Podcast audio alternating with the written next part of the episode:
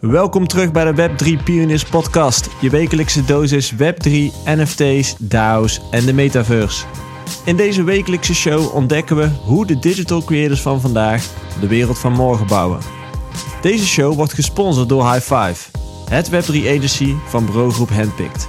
En is supported by de BCNL Foundation, het grootste Web3 ecosysteem van Nederland. En dan de wekelijkse disclaimer. Wij geven geen financieel advies. Web3 kan geweldig zijn, maar tegelijkertijd kan er ook nog heel veel misgaan. Dus, do your own research and don't blame us. Dat waren de huishoudelijke mededelingen voor nu. En dan beginnen we nu aan de aflevering van deze week. Welkom Marcel. Dankjewel. Welkom eh, hier in eh, Breda. Ja, leuk dat je er bent. Leuk dat je er Ondanks bent. eh, het slechte weer. Zo ja, Nou, het reed lekker door in ieder geval. Dat scheelt. dat scheelt zeker. ja. Ik ben nou al klaar met die kou. Chief Investment Officer, owner en board member bij Amdax. Dat is een hele mond vol, hè? Dat is helemaal vol. En ik dacht eerst moet ik er één kiezen, maar ja, ze stonden alle drie op je LinkedIn. Dus ik dacht ja, dan eh, pakken ze alle drie maar. Ehm, is er iets eerder eerst gekomen? Als in was je eerst owner en... toen Ja, misschien wel eh, eh, goed om even bij het begin te beginnen. Dus ik heb, nou wat is het, een jaartje of pak een beetje 12 ongeveer eh, eh, aan ervaring in de traditionele financiële dienstverlening. Eh, be- ooit begonnen als marketmaker, risk management consultant, institutioneel portefeuillemanager. En altijd veel te maken gehad met derivaten in die, in die wereld. En eind 2016 eigenlijk gekomen met crypto. en ben daar heel snel gewoon echt verliefd op geraakt. Wat, wat, wat was het dat je zo aantrok eh, daaraan? Ja, het is een beetje de combinatie van enerzijds financial markets die heel erg goed accessible zijn eigenlijk. eh, en tegelijkertijd eh, de technische kant van het hele verhaal. En dus ik was als kind, vond ik het altijd leuk om de, de nieuwste, nieuwste technische snufjes uit te proberen. Ja. En dit, dit riep mij datzelfde gevoel weer op. Dus ik, En en wat bedoel je met accessible? Want is het dan dat het 24 uur per dag is? Of dat het... Nou ja, iedereen zeg maar, die ook maar 50 euro heeft, kan Oh, zo, ja. eh, bij wijze van spreken eh, zijn weg vinden. En destijds was die weg nog wel wat moeilijker te vinden. Want ik herinner me nog eh, dat ik in het begin, ik wist echt niet waar ik moest beginnen. Nee, precies. Ik dacht, Dus ik- zo gemakkelijk was het niet. eh, Nee, is- nou ja, goed. Als je eenmaal de weg kent, dan, dan is het wel prima. Maar als jij, zeg maar, zeker te- 2016, 2017 gewoon googelde van ja, eh, ik wil bijvoorbeeld Bitcoin of Ethereum kopen. Ja, voor je het weet, kreeg je links naar de meest shady places. Ja, ja, zeker. Dus voordat je echt je weg gevonden hebt, nou, dat, dat, ging, dat duurde wel even. Dus Het is mij toen niet gelukt. het is voor mij echt een enorm traject geweest. Dus ik, ik weet niet of jullie misschien nog de Jax wallet kennen. Eh, dat Nee. was zeg maar zo'n soort met van mobile wallet. Eh, daar kon je dan eh, eh, je bitcoins naartoe sturen. En binnen die wallet kon je ze dan eh, ver, swappen naar andere, naar andere assets. Oh. Dus ik denk dat er een stuk of tien of zo beschikbaar waren op dat moment. Nou, ik weet nog helemaal, ik liep daar, ik denk met, nou, het zal zijn geweest, ik denk 300, 400 euro aan digital assets op mijn telefoon, op de dealing room bij, eh bij Achmea Investment Management destijds. En zo trots als een pauw, weet je. Gewoon, moet je kijken wat ik nou heb. Moet je kijken hoe, hoe vet het is. Hoe, hoe mooi dit werkt, weet je. Ik vond het, ik vond het zo briljant. Eh, maar ja, goed, op een gegeven moment dan... eh, toen begon die markt een beetje op te lopen. En nou, ik wilde toch wel nog iets meer eh, doen. En eh, toen mocht ik van, oké, ja, maar deze, deze route was niet zo heel efficiënt. Want ik heb toch best wel wat ingeleverd aan fees. Dat ging echt over 3% eh, op een transactie bij de Hm. brokers. Die swap, dat je een slippage van eh 10%. Hè, dus als je de ene voor de andere ruilde, raak je ook nog eens een keer 10% Ja. kwijt. Ja, dan gaat het hard. Nou ja, en dat beweeg je dan op een gegeven moment naar, eh, in een soort van zoektocht naar de meest efficiënte infrastructuur. Van waar ga ik nou uiteindelijk eh, alles neerleggen? Welke platformen zijn er binnen, binnen bereik? Ja. Eh, en hoe doe je dat dan ook nog zo veilig mogelijk tegelijkertijd? We hadden toen eigenlijk al goede API's en zo beschikbaar. Dus dat, dus dat je ook met die interfaces kon praten. Of was dat ook nog echt die, lastig? die waren er wel, maar zover was ik toen nog niet. Oké. Dus eh, Ja, ja. ik weet nog wel, mijn, ik geloof mijn eerste eh, exchange setup, volgens mij was dat met Kraken en Bittrex destijds nog. Mhm. En dan zit je 2017 of zo? Ja, echt early 2017 was Ja, dat, ik had ook Kraken inderdaad, 2017. Dat was toen, eh, moest je geld overmaken naar een Engelse rekening of zo. En, eh, Nou ja, dat. En dan hopen dat het goed gaat. Ja, ja, dat was echt zweet een dag lang. van, eh, absoluut. Want het duurde ook inderdaad nog iets van drie tot vijf dagen of zo voordat Ja. het wel was bijgeschreven. Nou, en ondertussen zag je die koers oplopen. Dus dat je echt van, ja, even, nou, de volgende keer dan maar toch weer die, die broker eh, gebruiken waar je 3% betaalt. Ja.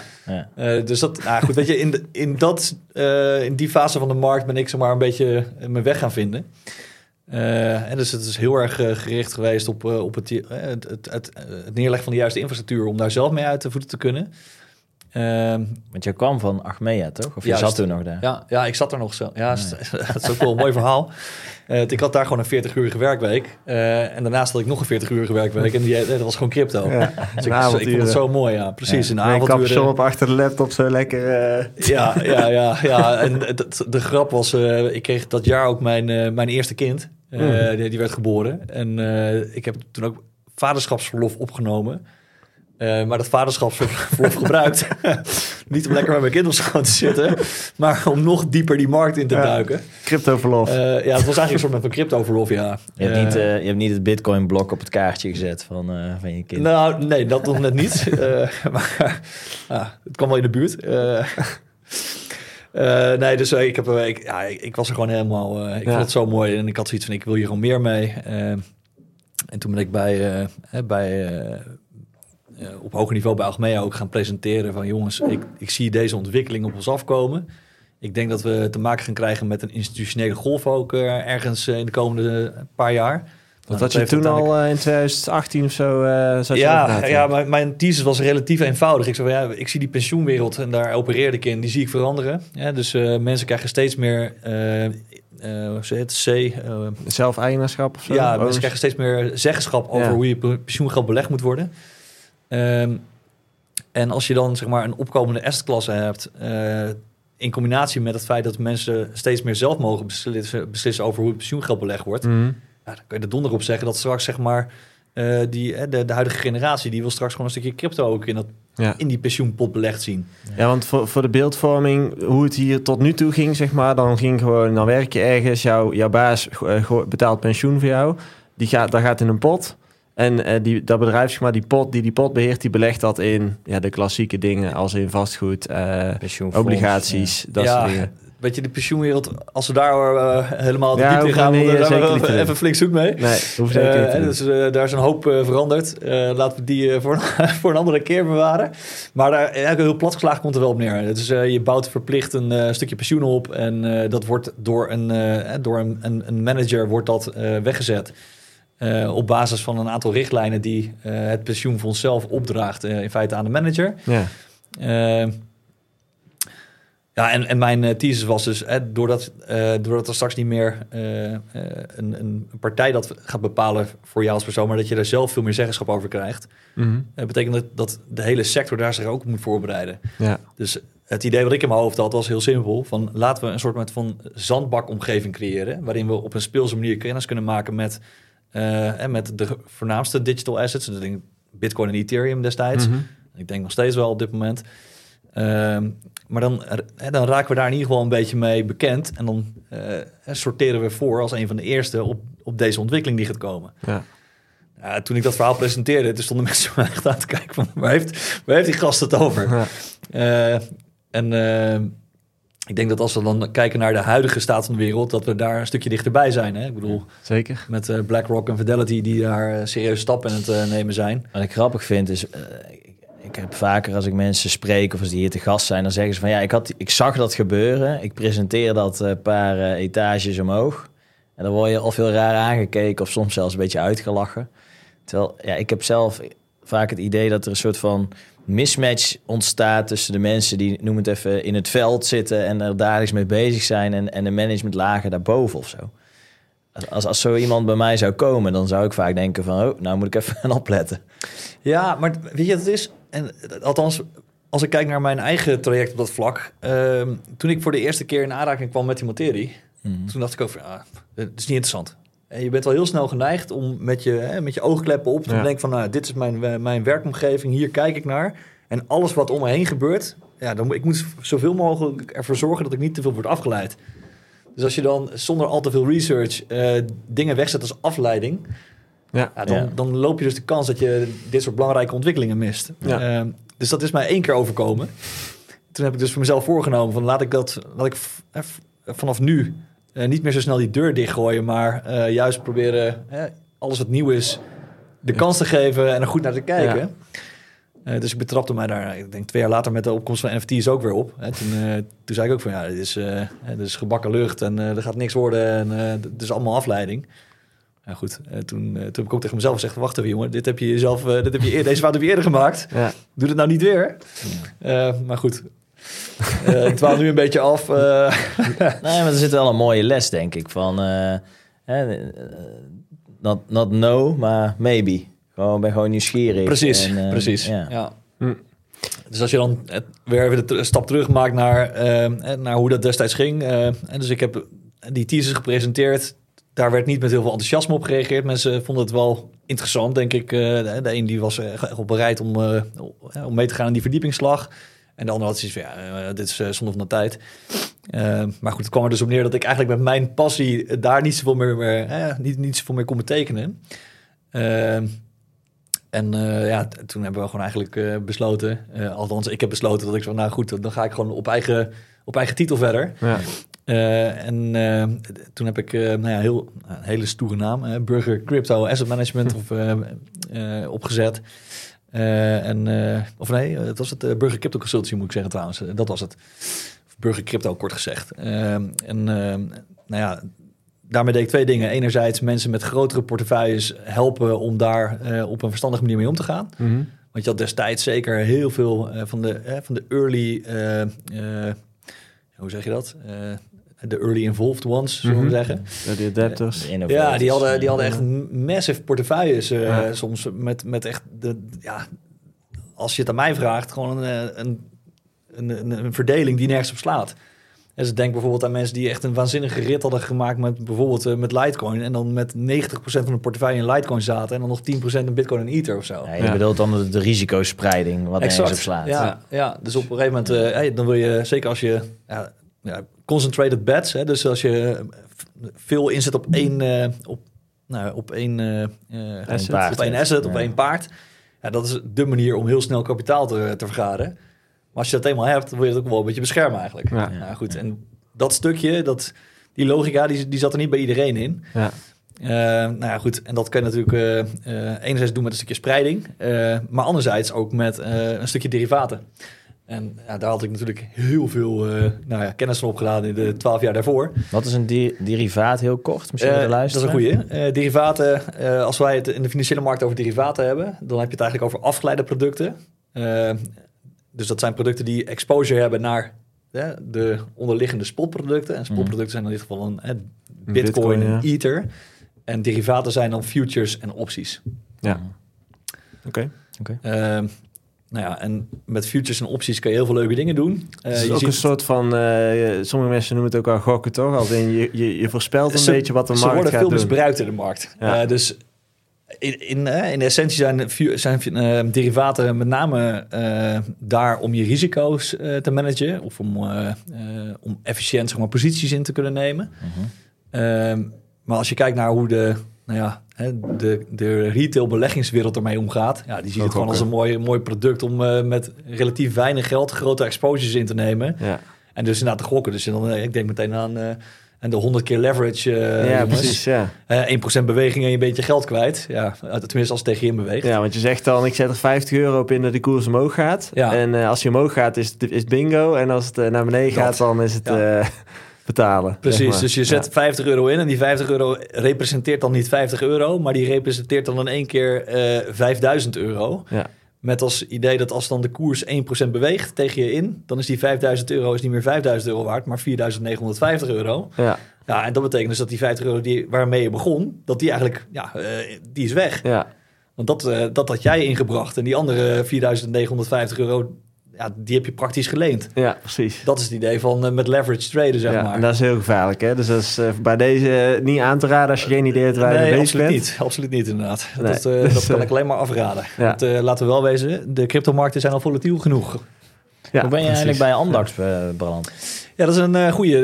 hè, dus wat ik deed, ik, ik ben in 2018 begonnen met het aanbieden van een, een crypto asset management service. Mhm. Het idee was relatief simpel. Ik had een waanzinnig leuke tijd gehad eh, in, de, in de privé met, mijn, eh, met het managen van mijn portefeuille. En de mensen met wie ik destijds sprak, eh, die, eh, die hadden zoiets van... ja, dat is leuk dat je dat voor jezelf doet. En het is leuk dat je daarover zou kunnen adviseren, maar we hebben liever dat je het gewoon van A tot Z voor ons doet. Regel het maar. Dus regel het maar. Het is veel te moeilijk, al dat geheizer met die, met die keys en Ja. de, opslag en het heen en weer sturen. Ik ben veel te bang dat ik fouten maak. Dus ja, dit waren gewoon eh, ondernemers die eh, eh, succesvol ondernemen hadden, maar overal om zich heen hoorden dat, dat, dat, dat, over, over crypto, maar zelf geen, geen idee hadden hoe ze daar nou precies mee om moesten gaan. Ehm, dus dat, dat is een beetje de start geweest. En nou ja, goed.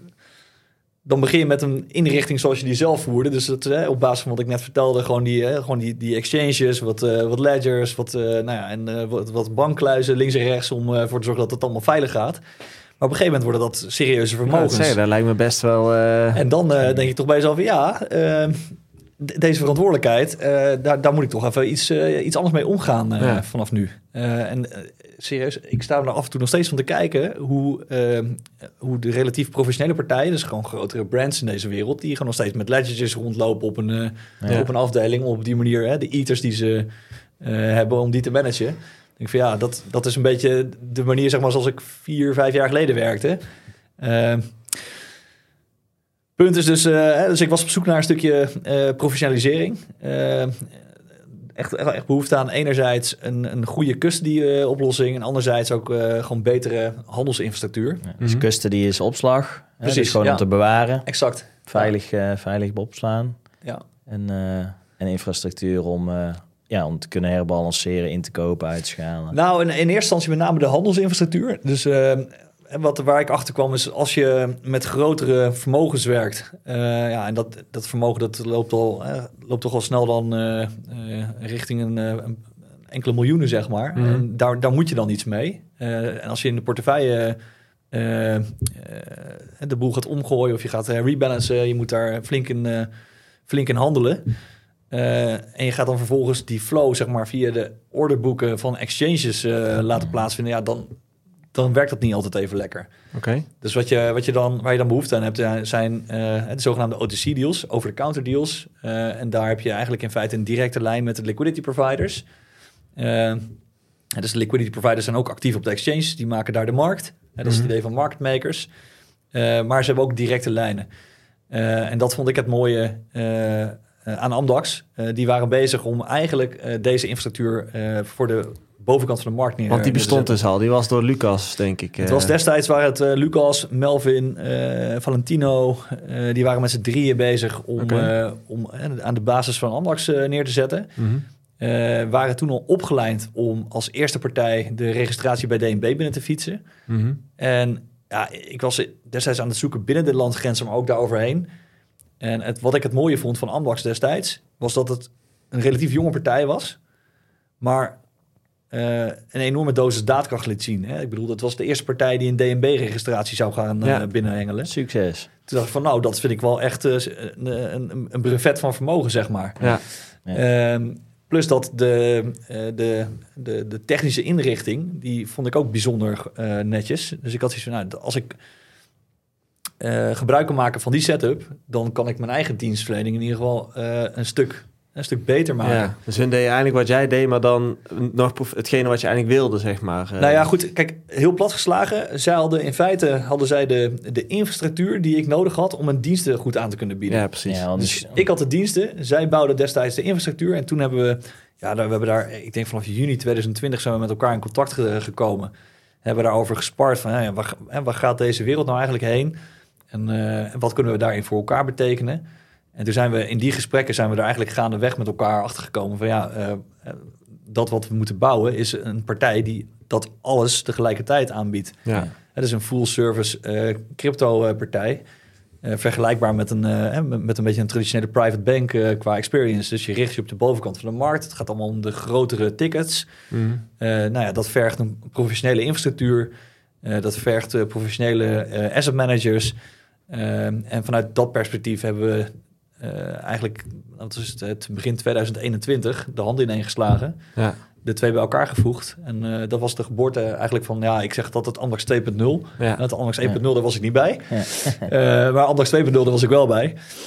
Gaaf. En eh, ja, dat is een bijzonder, bijzonder mooi traject geweest. En dat was ook qua timing ook best wel leuk. Want eh, eind 2020, Ja, toen hè, kwam die... eh, Toen ging het eh, hard weer, toch? Precies, dat Ja. was net zeg maar dat het moment dat Bitcoin tegen die 20k begon aan te hikken weer. Dat we op het punt stonden om die, hè, de All-time magische high, grens eh, weer te doorbreken. Ja, dat was 16.000 of zo, denk ik. Ja, het, het zal ja, rond die Ja. koers hebben gehangen. Ja. Eh, volgens mij één keer erop tegenaan ge- gelopen en weer teruggeveerd. En eh, ja, vanaf dat moment is het echt best wel hard gegaan. Ja. Ja. Misschien is één ding nog eh, leuk om heel even terug te pakken. Want je zei dat net eh, kort, maar ik weet niet of het voor alle luisteraars helemaal duidelijk is. Dat als jij dus best wel wat crypto vermogen beheert, hè, wat jullie doen, want jullie Ja. richten je op de, de, de grotere vermogende klanten, dan kan je dus niet zomaar eh, eigenlijk op een exchange via de orderboeken, hè, wat je zei, dus dat noemen ze volgens mij spot, hè, Ja. eh, daar eigenlijk verkopen, kopen en verkopen. Dat kan wel, maar dat is heel publiekelijk inzichtelijk voor iedereen. Dus als je dat met grote vermogens doet, dan, dan kost je dat gewoon heel veel geld. Ja. Dus dat is eigenlijk, ja, want je hebt het steeds over die, die professionele infrastructuur die Amdax Ja. heeft, maar dat, dat je dat over de counter doet, dat is eigenlijk een soort van onderhands, toch? Dan gaat het Ja, dus niet, wordt het niet publiekelijk verhandeld, Ja, maar eigenlijk in een gesloten handel. En, en daar zit dan de kracht waarom Was- je dat zou willen Was doen. daar dan het voordeel van dat het goedkoper Nou, is? Uiteindelijk wel, ja. Dus je, je handel is een stuk efficiënter. Ehm, Dus stel je gaat nu kijken naar een gemiddeld orderboek van een gemiddelde exchange. En ik denk eh, op de, eh, ja, de, de sites als een coingecko.com, daar kan je ook zien zeg maar, hoeveel, hoe dik die orderboeken zijn. En dan kan je zien zeg maar, van hoeveel volume ligt er op min 2% en hoeveel ligt er op plus 2% van de, hè, vanaf de Ja, zijn mensen die willen kopen, toch? Dat zijn mensen die orders Ja, in hebben. Het geeft, ja, dat geeft inderdaad aan hoe dik het orderboek is op dat punt. zeg maar. Ja. Dus hoeveel liquiditeit er rond, dat midden, eh, rond de, de, de theoretische midprijs beschikbaar is. Ja. Ehm, En als jij dan aankomt met een order die ongeveer, laten we zeggen, een factor 20 keer zo groot is als wat daar ligt, ja, dan duw je in feite heel die prijs eh, tegen je in. Dus Ja, op het moment dat jij gaat kopen, dan jaag je die markt helemaal omhoog. Ga je verkopen, dan duw je die markt weg. ja. Dus als je, ik, ik weet niet of jullie wel eens naar de charts kijken, maar dan zie je, eh, zeker in de wat meer illiquide muntjes, daar zie je af en toe enorme wicks. Hè? Dus dan heb je, als je dan zo'n zo'n zo'n kaarsdiagrammetje Mhm. hebt, dan heb je zo'n enorme streep naar boven Ja. en naar beneden. En dan balk is maar klein. Dat zie je vooral in de Exact. altcoins wel eens, hè? Ja, Ja, ja, Ja. ja. goed, daar zie je het inderdaad bij naam, want dat zijn de, de, de meest Ja. liquide Ja. eh, eh, munten inderdaad. Ehm, maar goed, het, eh, het idee is dus dat je dan, als je dat soort grotere tickets eh, gaat doen, dan kan je dat dus beter eh, ja, op een wat meer efficiënte manier doen. En dan kom je dus al snel in die OTC-hoek Ja. terecht. en ook dat de markt dus niet per se steeds klappen krijgt, zeg maar, maar gewoon... eh, dat, dat Ja. ook, ja. ja. Oké. Wat, eh, wat biedt Amdax nog meer aan? Als in, eh, je zegt al, het is eigenlijk voor de top van de markt, hè? dus het is voor de grotere vermogens over het algemeen. Ja, dus misschien is dat wel een eh, interessant puntje, want eh, we hebben daarin ook een hele journey eh, meegemaakt. dus we het begon ooit met de gedachte, we bouwen infrastructuur voor bewaring en voor handel. Eh, en daarnaast bieden we eh, eh, vermogensbeheer, act- actief vermogensbeheer aan. Nou, beide concepten die zijn natuurlijk ontwikkeld door de tijd heen.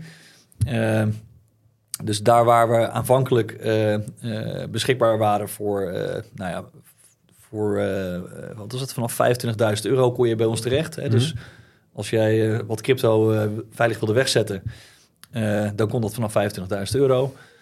Ehm, wilde je vermogensbeheerdiensten afnemen, dan moest je minimaal 100.000 euro meenemen. Ja, en dat, dat betekent dat iemand anders jouw vermogen gaat ja, inzetten om te zorgen dat het of gaat groeien of in ieder geval blijft wat het blijft, zeg, wat, het, wat het is. Ja, dus kijk, garanties kan je natuurlijk nooit geven als het gaat om nee, daar zit risico hè, op dat Het, deel. de enige garantie die ik kan geven op dat, op dat vlak is dat je te maken hebt met mensen die een, eh, nou ja, een eh, enorme berg aan ervaring hebben op het gebied van eh, vermogensbeheer.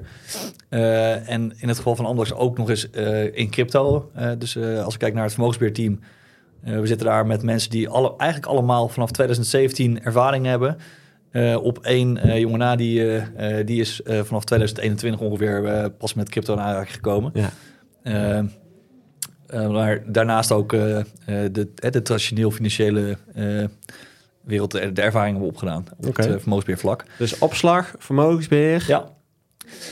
Ja, dus, en dus dat heel, heel plat geslagen zijn dat de twee core offerings. We hebben opslag en vermogensbeheer. Opslag is gewoon in de kluis leggen, deur dicht. Wij doen de beveiliging. Ja, ja, ja. Dus en je zal misschien bij jezelf denken: Goh, wat een enorm saaie dienst is dat.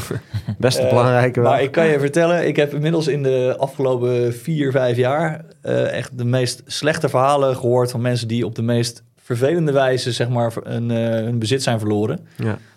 Dat kan zijn door dat je gehackt bent, dat je een phishing link hebt geklikt en daar uh, door geraakt wordt.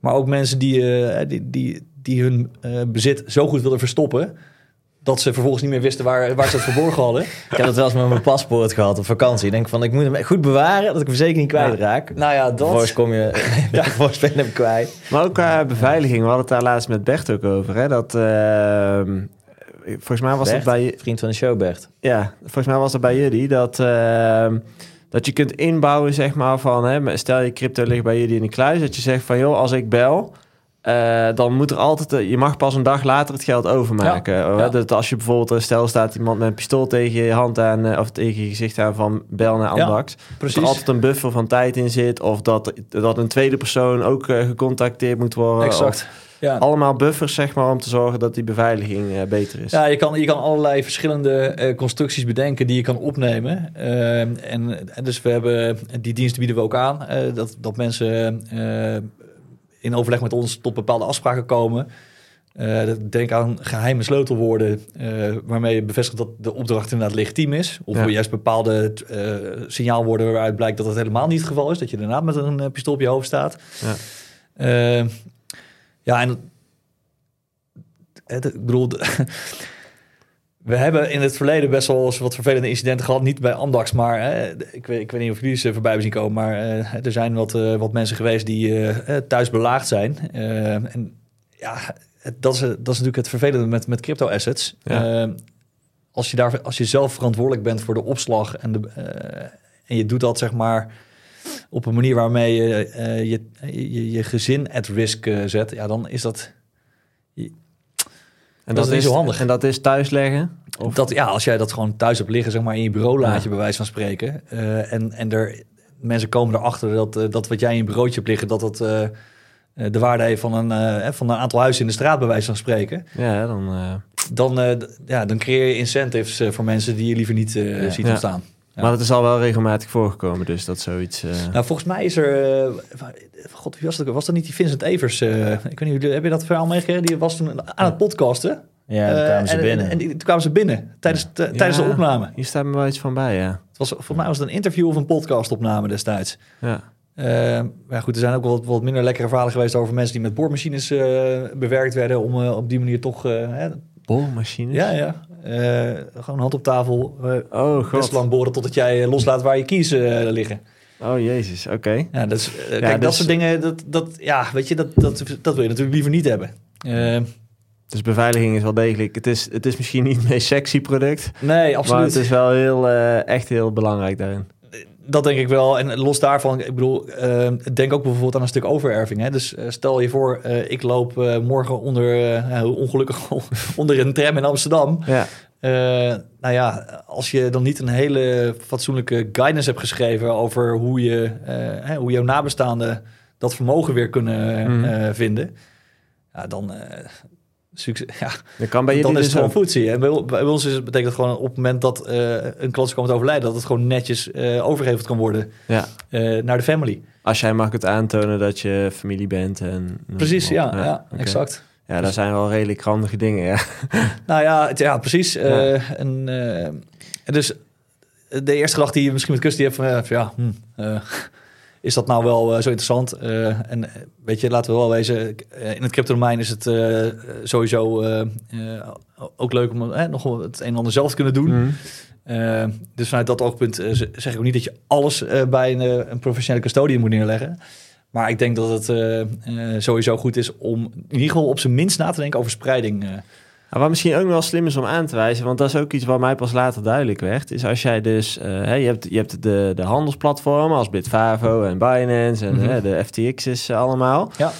Maar, wat we dus ook hebben gezien bij FTX, die kunnen omvallen. Ja. En jouw geld wat daar staat, is dus eigenlijk niet van jou. Exact. Als in, uh, zelfs bij een bank, dat is niet van jou. Dus als dat bedrijf omvalt, is dat geld weg. Ja. Is dat bij jullie ook zo of is dat anders? Nee, we hebben dat eigenlijk vanaf het begin af aan heel anders ingericht. Uh, dus uh, vanaf de start hebben wij gezegd, uh, we willen werken op basis van full reserve custody. Mm -hmm. Dus dat betekent in feite dat elke bitcoin die van onze klanten bij ons in de kluis komt liggen, dat die er altijd ligt. Ja, daar ga je dus niet Eh, mee handelen of wat dan ook. Die, Daar, eh, daar, daar, die raken wij niet aan. Die Hm. belofte die maken we. Eh, tenzij het eh, in eh, eh, vermogensbeheer legt. Want dan Hm. geef je ons het mandaat om daar wel iets mee te doen. Ja. Eh, maar als wij dat mandaat niet hebben, dan kan je er van ons op aan dat hij er eh, dat hij, eh, dat hij daar ook gewoon in bewaring ligt. En is dat ook rechterlijk? Als in, eh, Yes. Dus stel, stel jullie vallen om, jullie, jullie gaan failliet, om wat voor reden dan ook. Dan zou, zou een klant ten alle tijde zijn bitcoin gewoon kunnen... Exact. Ja, we hebben een eh, aparte stichting daarvoor in het leven geroepen. Dat is een aparte entiteit. Mhm. Eh, en daar liggen, eh, en onder die entiteit liggen dus ook inderdaad al die, eh, al die klantenassets. Oké, ja, dat is dus een groot verschil. Dus als in- volledig buiten bereik. Ja, dat is dus een groot verschil. Want ik denk dat veel mensen niet beseffen dat als we op Bitfavo een ton hebben staan... eh, en morgen valt, weet ik veel, zo'n partij om... net zoals bij FTX gebeurd is... ja, dan is het gewoon weg. Is gewoon weg. Ja, als er geen full reserve custody Ja. garantie is, dan betekent dat en eh, er zijn wel wat partijen in de markt, ik zal ze niet bij naam noemen, waarvan ik dacht dat ze dat ze ook full reserve waren, maar dat niet bleken te zijn. Hm. Eh, ja, dan, dan ben je inderdaad je assets kwijt. Ja. Ja. Dus dat is wel ook even, even essentieel om te, Ja. Te begrijpen, absoluut, zeg maar. absoluut. Ja. Ja. Oké. Ehm, dus dan hebben we beveiliging en vermogensbeheer. Dan hebben we eigenlijk Amdax services, Ja, toch? ja, dus eh, en dat is misschien ook wel leuk. Hè, dat vermogensbeheer, dat, dat kan je weer opdelen in verschillende soorten eh, diensten. Dus eh, we begonnen ooit met die discretionaire dienst. Dat betekent zoveel als: dit is mijn risicoprofiel, dit is mijn geld. Succes ermee. Gaat maar voor mijn manager Mhm. op, een, eh, op een zo professioneel mogelijke wijze. Ehm, maar goed, eh, dat is een, eh, ja, een, een, een, eh, een van de, van de cornerdiensten die waarmee we begonnen zijn. Maar in, die, in, de, in de tijd dat wij bezig waren om, om Amax op te bouwen, had ik sowieso zelf altijd al de wens om ook wat meer te doen met de kwantitatieve kant. Ik ben econometrist van huis uit, dus ja, modelletjes bouwen vind ik gewoon altijd, altijd leuk. Mhm. En ik denk ook dat het heel nuttig is. Ehm, en vanuit die eh, gedachte hebben we wat tooling ontwikkeld eh, die ons helpt om eh, de portefeuilles te, te managen. Ehm, maar die hebben we verder doorgetrokken. Dus wat hebben we gezegd? We, we willen ook een stukje tooling hebben op basis waarvan we kunnen acteren zonder dat er eh, sprake is van menselijke interventie. Nou, dat zijn dus eigenlijk onze algoritmische diensten. Ja. Soort, Eh, is dus het dan AI of zo? Of hoe, eh, Ja, AI is een mooie container, eh, containerbegrip. Maar eh, nee, ik zou, het niet, ik zou het niet AI willen noemen, maar eerder algoritmisch. Eh, want Ja. AI is wat mij betreft, eh, dat gaat zijn eigen gang helemaal. Besluit dus ook eigenlijk zelf wat de regels zijn. mhm. Eh, en algoritmes zijn regels die wij hebben opgesteld. Dus wij hebben van tevoren... Binnen bepaalde partij- bandbreedtes handelt zo'n script automatisch. Exact, exact. Dus eh, in de praktijk komt het erop neer dat we hè, mensen storten een bedrag. eh, dat komt in, een, in de portefeuille terecht. Eh, en dan wordt er elke dag wordt er, eh, wordt er automatisch gehandeld als er uit het algoritme een signaal komt dat er gehandeld moet worden. ja. Dus, het, dus dan is ook wel fijn, want dan in principe als je ligt te slapen, dan eh, en er gebeurt iets. Eh, ja en nee. Eh, hebben, de manier waarop wij ze hebben vormgegeven betekent dat we één keer per dag eh, eh, evalueren wat de scores zijn die uit die algoritmes Ah, komen. ja, ja. En op basis van die scores wordt er dan eh, wordt de portefeuille aangepast of niet. Dus jullie geven nog aan eh, van execute of niet? Nee, zelfs dat doen we niet. Nee, dat Nee, eh, komt echt uit de algoritmes zelf. Dus de algoritmes bepalen eh, of er gehandeld moet worden of niet. Mhm. En het moment dat ze handelen, dat ligt vast. Oké.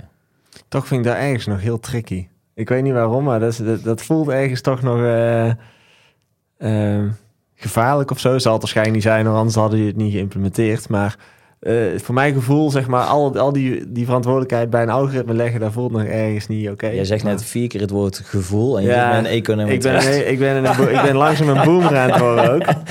Eh, ja. Nee, goed, eh, dus eh, dat gevoel. Eh, het, het grappige is, wat ik tot nu toe heb gezien eigenlijk om me heen... is dat heel veel mensen juist een, een heel ander gevoel krijgen dan jij beschrijft. Dus ik, ik zie bij jou bespeur ik een bepaalde mate van eh, bezorgdheid. Terwijl de meeste mensen juist op het moment dat je eh, het hebt over algoritmes... die zien dollartekens in hun ogen. Want die denken van, oh, dat is mooi. Ja. Eh, dat is een geld, eh, geldmachine.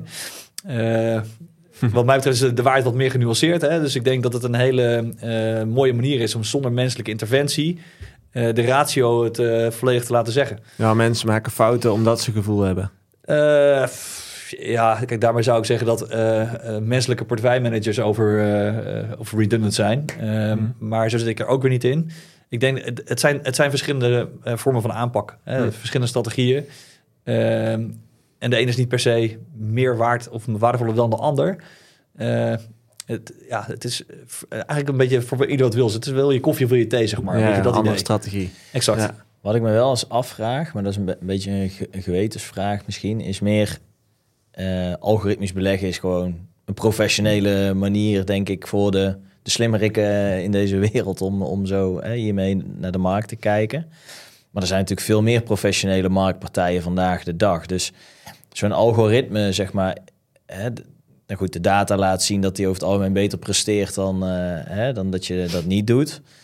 Eh, maar ten opzichte van wie of wat presteert zo'n algoritme vooral beter? Is dat dan de retail-investeerder? Of, of ben je ook echt in staat om een soort van edge te hebben Ja, dat hangt een ten beetje opzichte van, van, het... eh, professionele partijen? Eh, het is een goede vraag. Het hangt, het hangt af van de strategie. Eh, dus als we kijken naar bijvoorbeeld uh, Anders Trend, hebben we Mhm. gezegd van hè, er zit een, een bepaald lijstje aan assets die, daar, die daarin Mhm. kunnen zitten. En dan is de benchmark eigenlijk, of de, de, ja, waar, waar je tegen vergelijkt, is datzelfde lijstje. Wat zou, wat zou er nou gebeuren als je datzelfde lijstje assets vast had gehouden? Eh, plus een, eh, een stukje cash. Want eh, gemiddeld genomen zit je long en je gaat uit de markt. Dus gemiddeld genomen heb je dus 50% van de tijd exposure en 50% van de tijd zit je in cash. Mhm. Nou, dat vang, vang je samen door dat ook mee, te, mee te nemen in je, in je vergelijking. Eh, en, en wat je dan vervolgens gaat doen is bekijken eh, hoe heeft dat, eh, hoe zou dat algoritme, eh, hoe heeft dat gepresteerd tegenover dat specifieke, eh, eh, tegenover die inrichting. Ja. Ehm, en als je daar eh, op langere termijn een positief resultaat ziet en niet te veel grote uitslagen, Mhm. ja, dan heb je wat mij betreft een succesvolle investment strategy neergezet. Ja. En ehm, dat wil nog niet zeggen dat je ook de garantie hebt dat hij het in de toekomst goed doet, want dat is natuurlijk ook weer een, eh, een disclaimer eh, die ik moet meegeven. Ehm, maar het geeft je wel een, een bepaalde mate van eh, vertrouwen. Ehm, hè, dus ehm, en ja, met, met, met meer dan dat kan je het ook niet doen. ja, precies. Ja. Cool. Dus eh, dat, dat zijn even de algoritmes. eh, en eh, ja, ten, dan het laatste, de laatste smaak is nog een, een, een fonds. Hè? Dus gewoon een, eh, een, eh, een cryptofonds.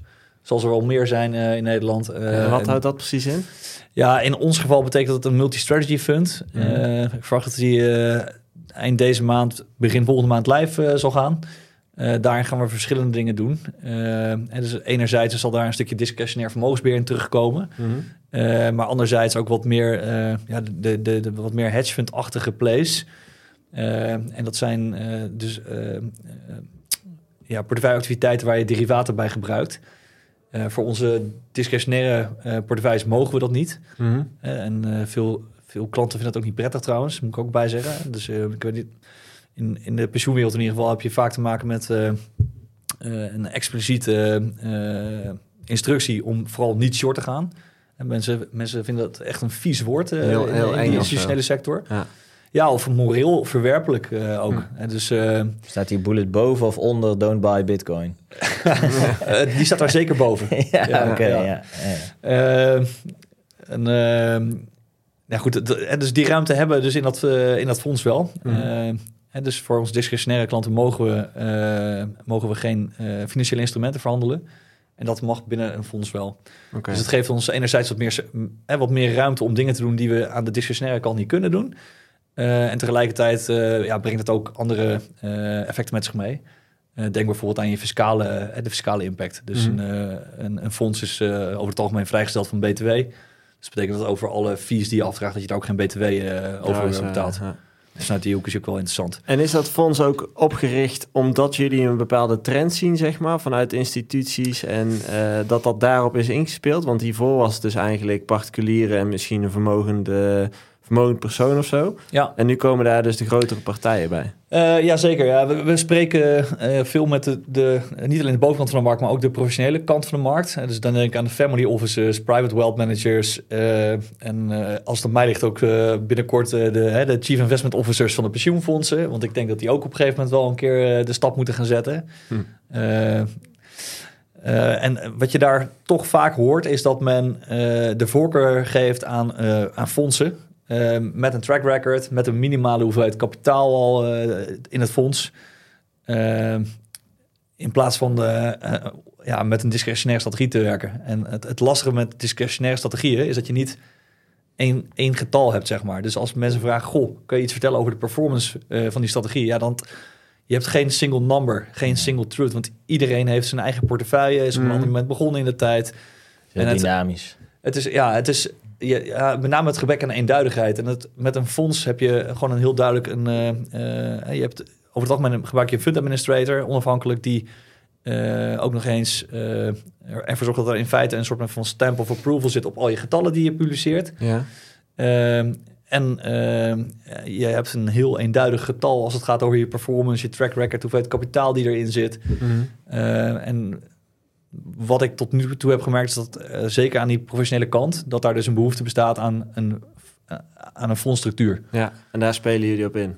Juist. Ja. Ja. ja. En waar, waar, sinds wanneer is die behoefte gekomen? Is dat iets wat de laatste half jaar is? Of eh, is dat een trend die al langer spelen, speelt? Ehm, ja, het is. Het, ik denk dat die al wat langer bestaat. Dus ik zei net al van ja, ik, ik zie dat veel partijen die, die hebben behoefte aan een fonds. Er zijn daarnaast ook nog steeds partijen die die behoefte niet hebben. Dus die Hmm. wel met discretionaire producten kunnen werken. Maar als je bijvoorbeeld eh, kijkt naar, eh, naar multifamily offices. Die per se voor een hele eh, palet exact hetzelfde, de exact dezelfde dienst willen hebben. Ja, dan is een fonds natuurlijk de meest optimale inrichting. Want anders zit je met Ja. allerlei verschillende eh, inrichtingen die, waar je vervolgens ook nog weer over moet gaan rapporteren naar je achterban. Ja. Maakt dat reporting voor zo'n multifamily office ook makkelijker? Eh ja, zeker. Ja. Want dan Ja. hebben ze ook gewoon, maar eh, dan krijg je Ja, je niet... hebt gewoon, eh, precies, je hebt één rapportage, één, één soort getal. En het enige wat, er, wat, wat anders is, is het aantal participaties dat je hebt in een precies, fonds. Dan. ja, Ja. ja, ja. En is dat dan bij, eh, want je, je hebt family offices, dat zijn bedrijven die het vermogen van een familie beheren. Dus, Ja. Ja. nou goed, ik kan zo geen voorbeeld noemen, Van de maar Valks, dus de, de Brenningmeijers. De, Ja, de, Precies, gewoon ja, de- denk de- echt aan de, de, grote- grotere vermogende families ja. in Nederland. Ja. eh, Die Ja. laten over het algemeen eh, laten ze het beheer van dat vermogen over aan een, eh, aan een family office die daarop eh, ingericht is. Ja. En Ja. het- als het kleinere vermogen zijn, dan zitten ze bij elkaar gevoegd in een multifamily office. Zijn het wat grotere vermogens, dan hebben ze over het algemeen één kantoor specifiek voor die familie. Ja. Zo'n family office die ontzorgt toch eigenlijk ook gewoon eh, enorm. Absoluut, Dus, ja. eh, dus hè, dat is eigenlijk gewoon het aanspreekpunt namens de familie. Dus die mensen gaan niet meer zelf naar de notaris of naar een advocaat of naar een belastingadviseur. Die zeggen gewoon, eh, ik koop een jacht.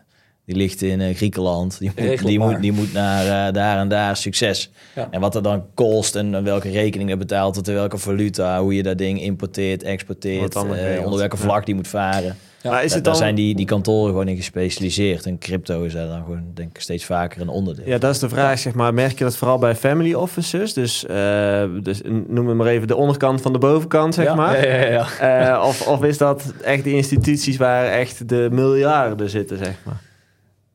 Eh, Zoals de pensioenfondsen bijvoorbeeld. Ja, ik, ik, ik zit te denken. ehm, het, ja, dus wat je, wat je ziet, zeg maar, aan, die, eh, met, name aan de institutionele kant, als je het hebt over de pensioenfondsen, ehm, die, eh, die hebben snel de neiging om wel te werken met die fondsinrichtingen, inderdaad. Mhm. Kijken we naar de family offices, daar ligt, er, eh, ligt de mogelijkheid om ook nog discretionair eh, eh, Mhm. uit te voeren te kunnen. En het, het lastige met family offices is, eh, daar ben ik inmiddels ook achter, ken je er één en ken je er geen. Hm. Ze hebben eigenlijk allemaal andere wensen, allemaal andere eh, voorkeuren. Eh, en eh, nou ja, het, doordat je met, als je met een fonds komt, dan heb je dus, dan kan je dus beide, dan heb je dus en de koffie en de thee die je kan aanbieden, zeg maar Ja, ook. ja. Dus in die zin is dat ook aan de, de, de, de legal vorm, zeg maar, van de manier waarop je vermogensbeheer aanbiedt, Mhm. Helpt dat voor voor ons, zeg maar, het assortiment eh, beter aan te laten sluiten bij de vraag die er is in de markt. Maar merk je dus ook wel dat er steeds meer vraag komt naar bitcoin? Of naar Ehm, crypto in, in Ja, meer, crypto in, in bredere zin, ja. Ja. ja. absoluut. En heeft dat dan... Waar heeft dat dan mee te maken, denk je? Is daar een verklaring voor? Ja, die is er zeker. Ik bedoel, we hebben enerzijds te maken met, eh, eh, met duidelijkheid omtrent wet en regelgeving. Eh, dus eh, de opkomst van MICAR, de Marketing Crypto Assets Regulation in eh, Europa. Ja, Eh, het uitgebreid ook met- hierover gehad met Willem Ja. Jan. eh, Ja. Ja, nou goed, dan gaan we daar ook niet langer bij stilstaan. Ja. Eh, maar dat zorgt ervoor dat je... eh, dat mensen de, de, de, de assetklasse zelf ook wel echt wat serieuzer begint te nemen. Eh, hè, want er is een regulation, eh, dus er is geen kans meer op een verbod. Eh, dus Ja. duidelijk dat het, dat het hier te stay is. Ehm, Maar dat heb je niet alleen in, in Europa. Dat heb je ook eh, zeg maar, aan de andere kant van de oceaan. Eh, Ik weet niet of jullie een beetje mee hebben gekregen wat er nu speelt met eh, al die ETF-aanvragen en SEC. Mhm. eh, hoe hard hij bezig is om enerzijds cryptopartijen eh land uit te het zo trappen. moeilijk mogelijk te maken. En anderzijds eh, Ja. ja, de, de, de traditionele partijen juist de ruimte biedt om eh, door middel van eh, exchange traded funds, ETF's, Ja. toch Ja. die exposure aan te kunnen bieden. Mhm.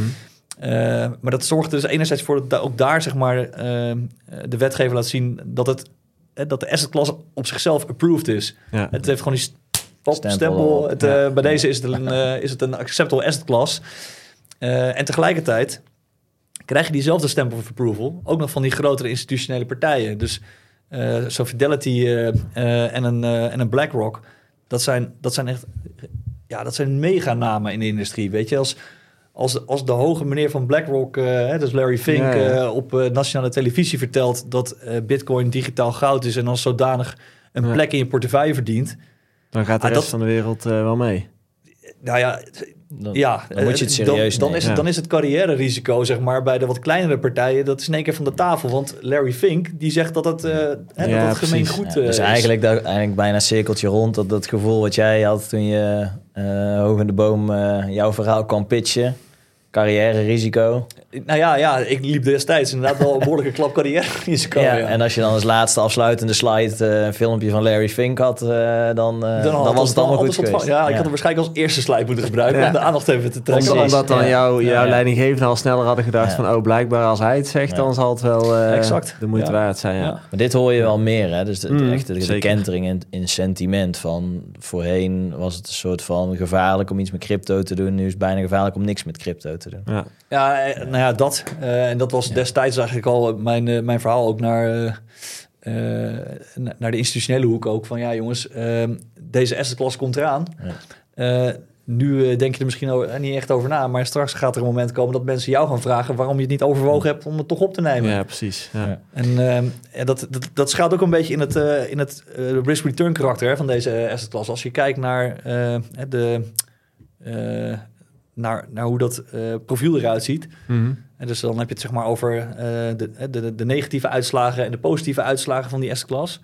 Dan zie je dat die, eh, dat die positieve uitslagen, die zijn echt waanzinnig. Hè? Dus dan spreek je over een hele lange en dikke staart, zeg maar, als je het hebt over hè, de kansverdeling. Mhm. eh. Ehm, en dat karakter zorgt ervoor dat het waanzinnig interessant is eigenlijk. Want Ja. dat is een, een, een profiel eh, dat je bij andere asset classes eigenlijk niet terugziet. Ja. Dus vanuit dat perspectief is het alleen al interessant om het eh, op Ja. te nemen. Ja. En we, we hadden het eh, hiervoor kort ook even voor de podcast over die demografische schuiving. Hè? Daar hebben wij het ook al een keer over gehad in de podcast. Ehm, merk je dat het eerst bij zo'n family office? Want daar gaat generatie op generatie gaat het geld overgeheveld worden, zeg maar. Eh, dus, en, Ja, dat is, een goede vraag. En het antwoord is daar ook op ja. Eh, tenminste, ik heb het nu al een paar keer gemerkt dat de jongere eh telgen in die families, dat die over het algemeen het onderwerp op tafel leggen. ja, want die kennen het, die en dat het vanuit het. daar zeg maar serieus Hm.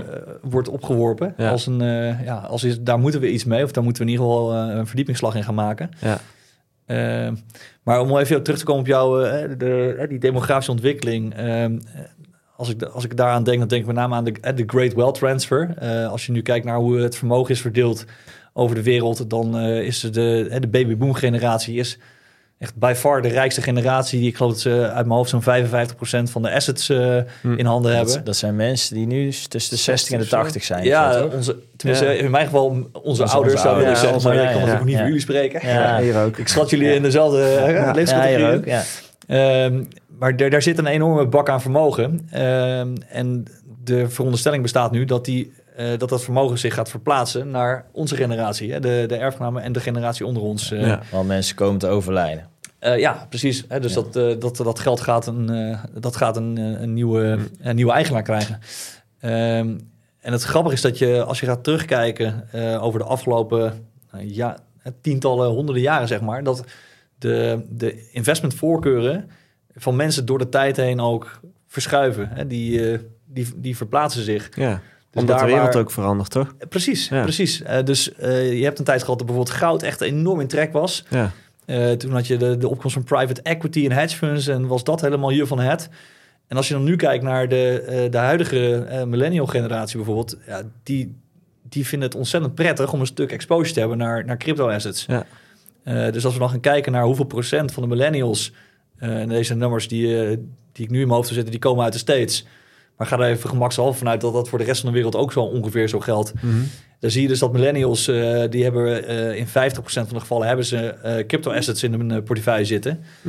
Daar waar babyboomers ongeveer rond de 4, 5% hangen. Er zit een groot gat. Nou, en als je dan bedenkt, zeg maar, dat het vermogen in, van de babyboom generatie ongeveer factor 10, 20 keer zo groot is als van die eh, millennial generatie. Maar dat daar de investment voorkeur vanuit die millennial generatie echt zwaar eh, eh, richting, richting crypto assets wijst ook. Ja, dan heb je dus enerzijds die enorme golf aan eh, vermogen die op gang gaat komen. En anderzijds staat daar die hele nieuwe voorkeur. Ja. Interessant. Dus daar spelen jullie als Amdax op in. Dat jullie... Nou ja, goed, toekomst, spelen op eh, in. Ja, kijk, Nou, daar geloof je in. Daar geloof, exact, ja, daar ja. geloof ik in. Hè? Dus, Ja. Maar het is los ook van de- de trend. ja, dat is het. Het is, het is een, een nieuwe trend die op gang komt. Eh, maar los daarvan, eh, eh, ik geloof sowieso in de, in de toekomst van crypto assets. Maar Mhm. dat, eh, ja, dat heeft meer te maken. Laat dat Ja, duidelijk toch, ja, zijn. is- ja, ja, ja. ja, ja. Daar had ik de bevestiging van de millennial generatie niet per se voor nodig. Ja, maar, eh, ik heb ja. nog één laatste vraag. Ja, dan gaan we afronden. ja. Ehm, is, eh, Ik weet niet of je daar iets over kan zeggen, of misschien eh, persoonlijke titel hoe je er naar Mhm. kijkt. Maar we zien nu eh, natuurlijk Bitcoin en Ethereum, hè? Ehm, twee verschillende ecosystemen, twee verschillende consensusmechanismes, twee, eigenlijk gewoon twee verschillende dingen. Mhm. Ehm, zie jij een, een voorkeur eh, tussen die assets bij bijvoorbeeld eh, family offices, institutionals, dat soort dingen? Of, of maakt dat, Nee, eh, dat- nog niet echt uit? Nee, dat, ik, ik zie dat dat heel erg eh, verschilt. Eh, er zitten mensen in die zitten er met name in vanuit een wat meer monetaire blik. Die, die, Mhm. en die zien bijvoorbeeld de, de schaarste van bitcoin en vinden dat waanzinnig interessant. Ja, als je zegt de, de digital gold, dan kan je zeggen van mensen een voorkeur misschien hebben voor bitcoin. Maar als je zegt van ja, we zien dit echt als eh, decentrale, onafhankelijke, wereldwijde infrastructuur. Of, Ja, eh, dan zit je misschien weer meer aan de Ethereum kant. exact. Ja, en eh, kijk, Ethereum heeft natuurlijk als voordeel de laatste tijd ontwikkeld dat het ook vanuit monetair oogpunt een veel interessanter verhaal is dat geworden. het rentedragend is. En, en het argument wat ik eigenlijk vanuit de institutionele hoek wel hoor en vanuit de retailhoek veel minder, is de ESG-component. Ja. Dus Ah, ja. Ethereum is wat dat gaat wat energie zuiniger zou je kunnen zeggen dan Bitcoin Mhm. is. Ja. Ehm, ja, goed, daar kan, je, daar, kan je over daar kan je over tot je in ons weegt. Hè. Ik bedoel, er Ja. zijn genoeg papers ook, ook vanuit Ja. de KPMG verschenen. Ja. Eh, waar- waarom Bitcoin niet op die manier weggezet zou mogen worden. Eh, maar onderaan de streep, eh, ja, de mensen die daarover besluiten, eh, die leven wel met die gedachten. Ja, die Eh, zijn nog niet zo ver. die zijn nog niet zo ver, exact. En, eh, ja. Eh, dus nee, ik zie geen specifieke voorkeur voor de een of de ander. Eh, die heb ik zelf wel, maar die zal ik eh, op dit moment even voor me houden. Eh, ja, nee, dat dus. Oké, Oké. dankjewel. Ja, Marcel, zijn we weer aan het einde gekomen. Dat is snel gegaan, man. Ja, dat is eh, Ja. heel snel gegaan. Ik... ehm, Je zei het aan het begin al, hè?